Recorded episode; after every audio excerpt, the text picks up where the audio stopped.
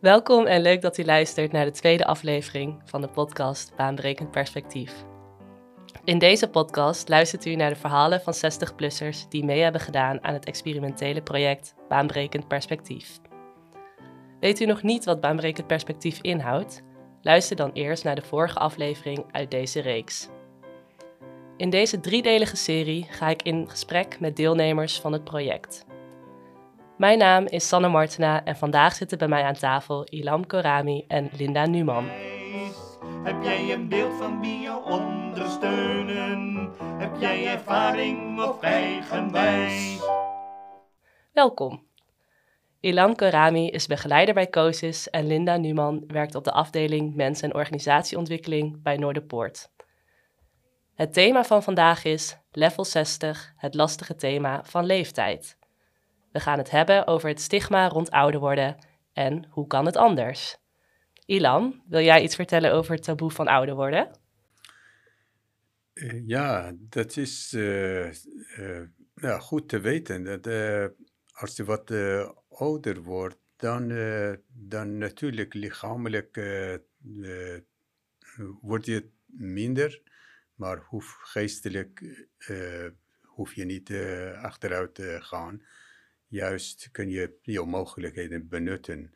Uh, kijken wat je kan en wat uh, kwaliteit, wat voor kwaliteiten kun je uh, zeg maar uit je leven halen.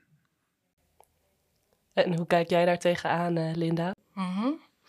um, ik vind het zelf um, best een lastig onderwerp. Niet dat ik het als taboe zie, maar meer uh, wanneer heb je het over je leeftijd? Ik ben um, juist omdat ik nu meedoe in baanbrekend perspectief, me veel bewuster geworden van mijn leeftijd. En als ik het er um, met andere mensen over heb, mijn vriendinnen worden ook allemaal 60 en mijn man is inmiddels met pensioen, dan denk ik van, oh, eigenlijk hebben we het er helemaal nooit over. En is dat dan een taboe of is het omdat je, omdat je gewoon aan het leven bent? Um, dus het is best wel lastig, omdat er wel eens gezegd wordt: het is een taboe om het over um, ouder worden te hebben. En soms is dat ook echt zo. Terwijl tegelijkertijd, je gaat gewoon door met je leven. Mm -hmm. Dus ik vind het wel een heel bijzonder iets, eigenlijk, hè, die leeftijd. En uh, aan de andere kant, ja, er zitten ook natuurlijk gewoon grenzen aan waar je mee bezig bent. Wat Ilam ook zegt, hè, je fysiek, ja, dat voel je echt wel. Ik zie mezelf in gedachten soms ook nog wel koprollen maken in het gras. En als ik dat dan ga doen, dan, dan kom ik bijna niet meer overeind, bij wijze van spreken. Dus dat zijn ook gegevens. Ja. Dus ja, zo. Ja, ja. en Ilam, je, je zei van, uh, er komen ook kwaliteiten voor terug. En waar zie je dat uh, bijvoorbeeld in terug? Ja, dat is in de, uh, in de loop van tijd. Mm, je leeft gewoon door tot het bepaalde moment. Dan, dat is goede gelegenheid, deze cursus baanberekende perspectief, om even stil bij je staan, even bewust van worden, wat heb ik van alle van mogelijkheden. En een stukje overzicht over wat mogelijk is allemaal en wat de rust creëren. Dus je hebt heel veel ervaring opgedaan in, in de loop van tijd. En dit kan je weer ontdekken en gebruik van maken. Dit is de kwaliteit, in één woord, alle kwaliteiten dat je in je leven opgedaan hebt, dat kan je in je leven weer roepen. Ja, ja. En je had het al even over die, die taboe op leeftijd. wat merk je daarvan in jouw werksituatie, Linda? Um, het gaat er nooit over. Dus is dat dan het taboe? Um, het gaat nooit over leeftijd, terwijl je soms wel merkt dat je niet meer gevraagd wordt voor iets. Of juist uh, vanwege de ervaring. Maar dan moet, je al, um, dan moet je al zelf zorgen voor die zichtbaarheid.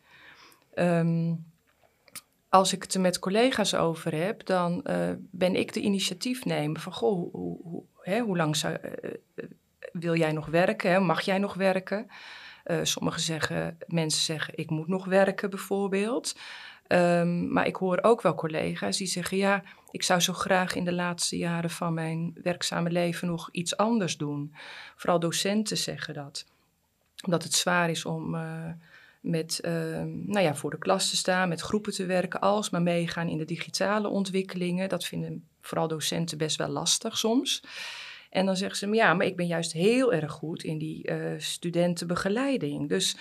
Um, maar daar wordt te weinig over gesproken, mm. merk ik. Ja. En dat geldt ook, ook wel voor mezelf hoor. Van, je, moet, je moet alsof je jezelf alsmaar um, moet laten zien dat je er nog bent. Ja. Nou, dat is een beetje voor mij het taboe um, in het werk. Hm. En Ilam, ervaar je dat ook zo of ervaar je dat anders? Uh, ja, nou, wat uh, uh, zou ik toe kunnen voegen is dat het belangrijk is voor mm, zeg maar de anderen, voor organisaties, werkgevers vooral, om, om zeg maar van mensen in gelegenheid te stellen, personeel, eh, de, van een bepaalde leeftijd. Eh, nu hebben we het over 60 plus, zelfs ook van jongere leeftijd, 50-plussers eh, bijvoorbeeld. Dat ze naar mogelijkheden kijken, anders, wat, kunnen ze anders beter doen? Dat zou ja, misschien wat collectief wat voor, voor de anderen wat opleveren. Dat vind ik ik weet niet of ik goede antwoord heb gegeven. ja.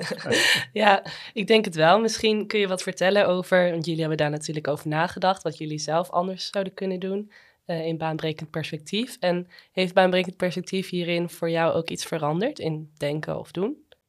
Ja, zeker, zeker. Dit is uh, voor mij uh, de gelegenheid om, zoals ik zei, stil bij te staan. Wat zijn mijn mogelijkheden? nog, wat, wat kan ik, zoals Linda zei, dan begin je even nadenken over, nou, ik heb een bepaalde leeftijd, wat is allemaal wat mm, te doen. Dus voor mij is ook geld hetzelfde, maar dan, ja, er is even wat. dat, ja, dat, dat kan ik bij even stopzetten. Ja, ik was, uh, ik was uh, lijntje kwijt. Ja.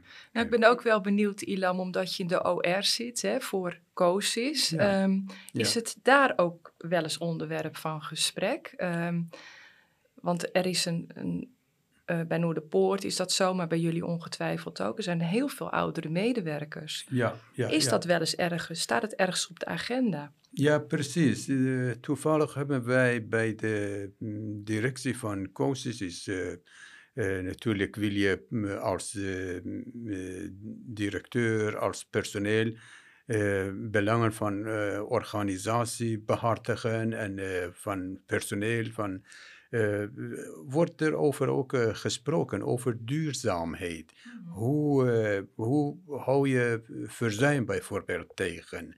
Hoe zorg je ervoor? Dit kan een van, van instrumenten zijn voor de organisatie om ja, aandacht besteden aan personeel, aan verschillende categorieën van jongeren, van ouderen, van ja, uh, wat, wat zijn de mogelijkheden? Wat kunnen ze mm, beter doen of anders doen? Mhm. Dat, uh, dat, dat bespreken we ook. Uh, dat, dat, is, dat is een van, van belangrijke dingen waar je aandacht kan aan besteden. Als ja. in OR dan zijn we daar ook met vraagstukken. hoe hou je verzuim tegen? Hoe werk je in duurzaamheid? Uh, ja, hoe, uh, hoe maak je gebruik van, van, van ervaringen van mm -hmm. personeel? Ja. ja. Ja, want dan gaat het ook om waardering. Hè? Want het is niet alleen maar verzuim. Maar ik merk ook wel dat collega's soms ja, vroeger met pensioen gaan. En niet omdat ze dat zo graag en per se willen of hadden gewild. Maar omdat ze zich ja, te weinig gewaardeerd voelen nog in hun werk. Terwijl ik denk, als je gaat kijken naar talenten van mensen en kwaliteiten en je biedt als organisatie meer mogelijkheden, dan hou je mensen ook langer uh, vast.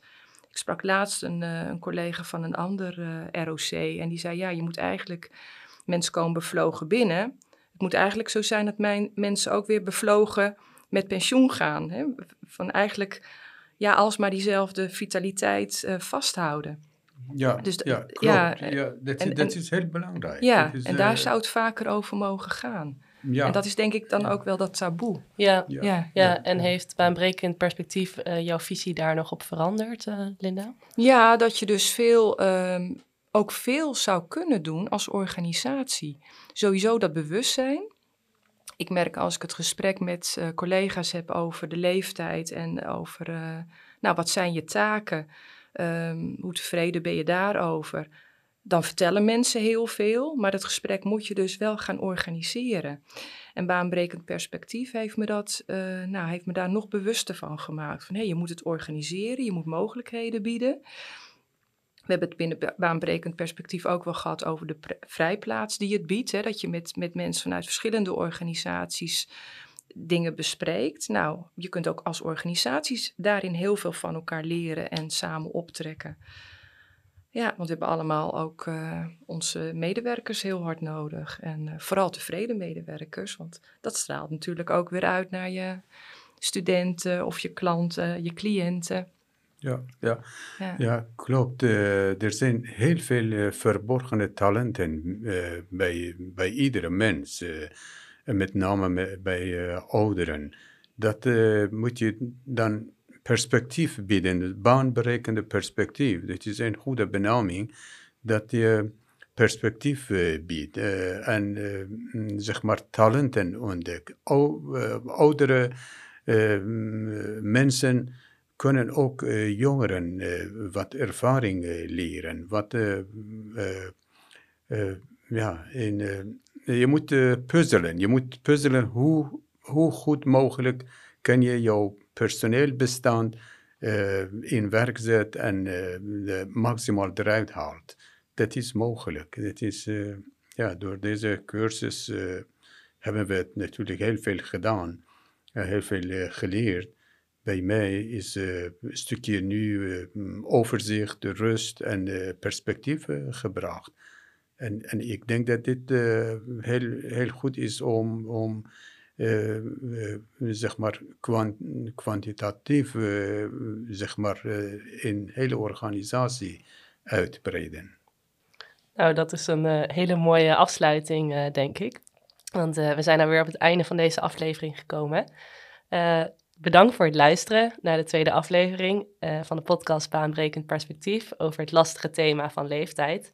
Linda en Ilam, jullie uh, bedankt voor jullie bijdrage en uh, mooie verhalen. De volgende aflevering ga ik in gesprek met Huip Batenburg en Ina van Piekarts over hun plannen voor na het pensioen.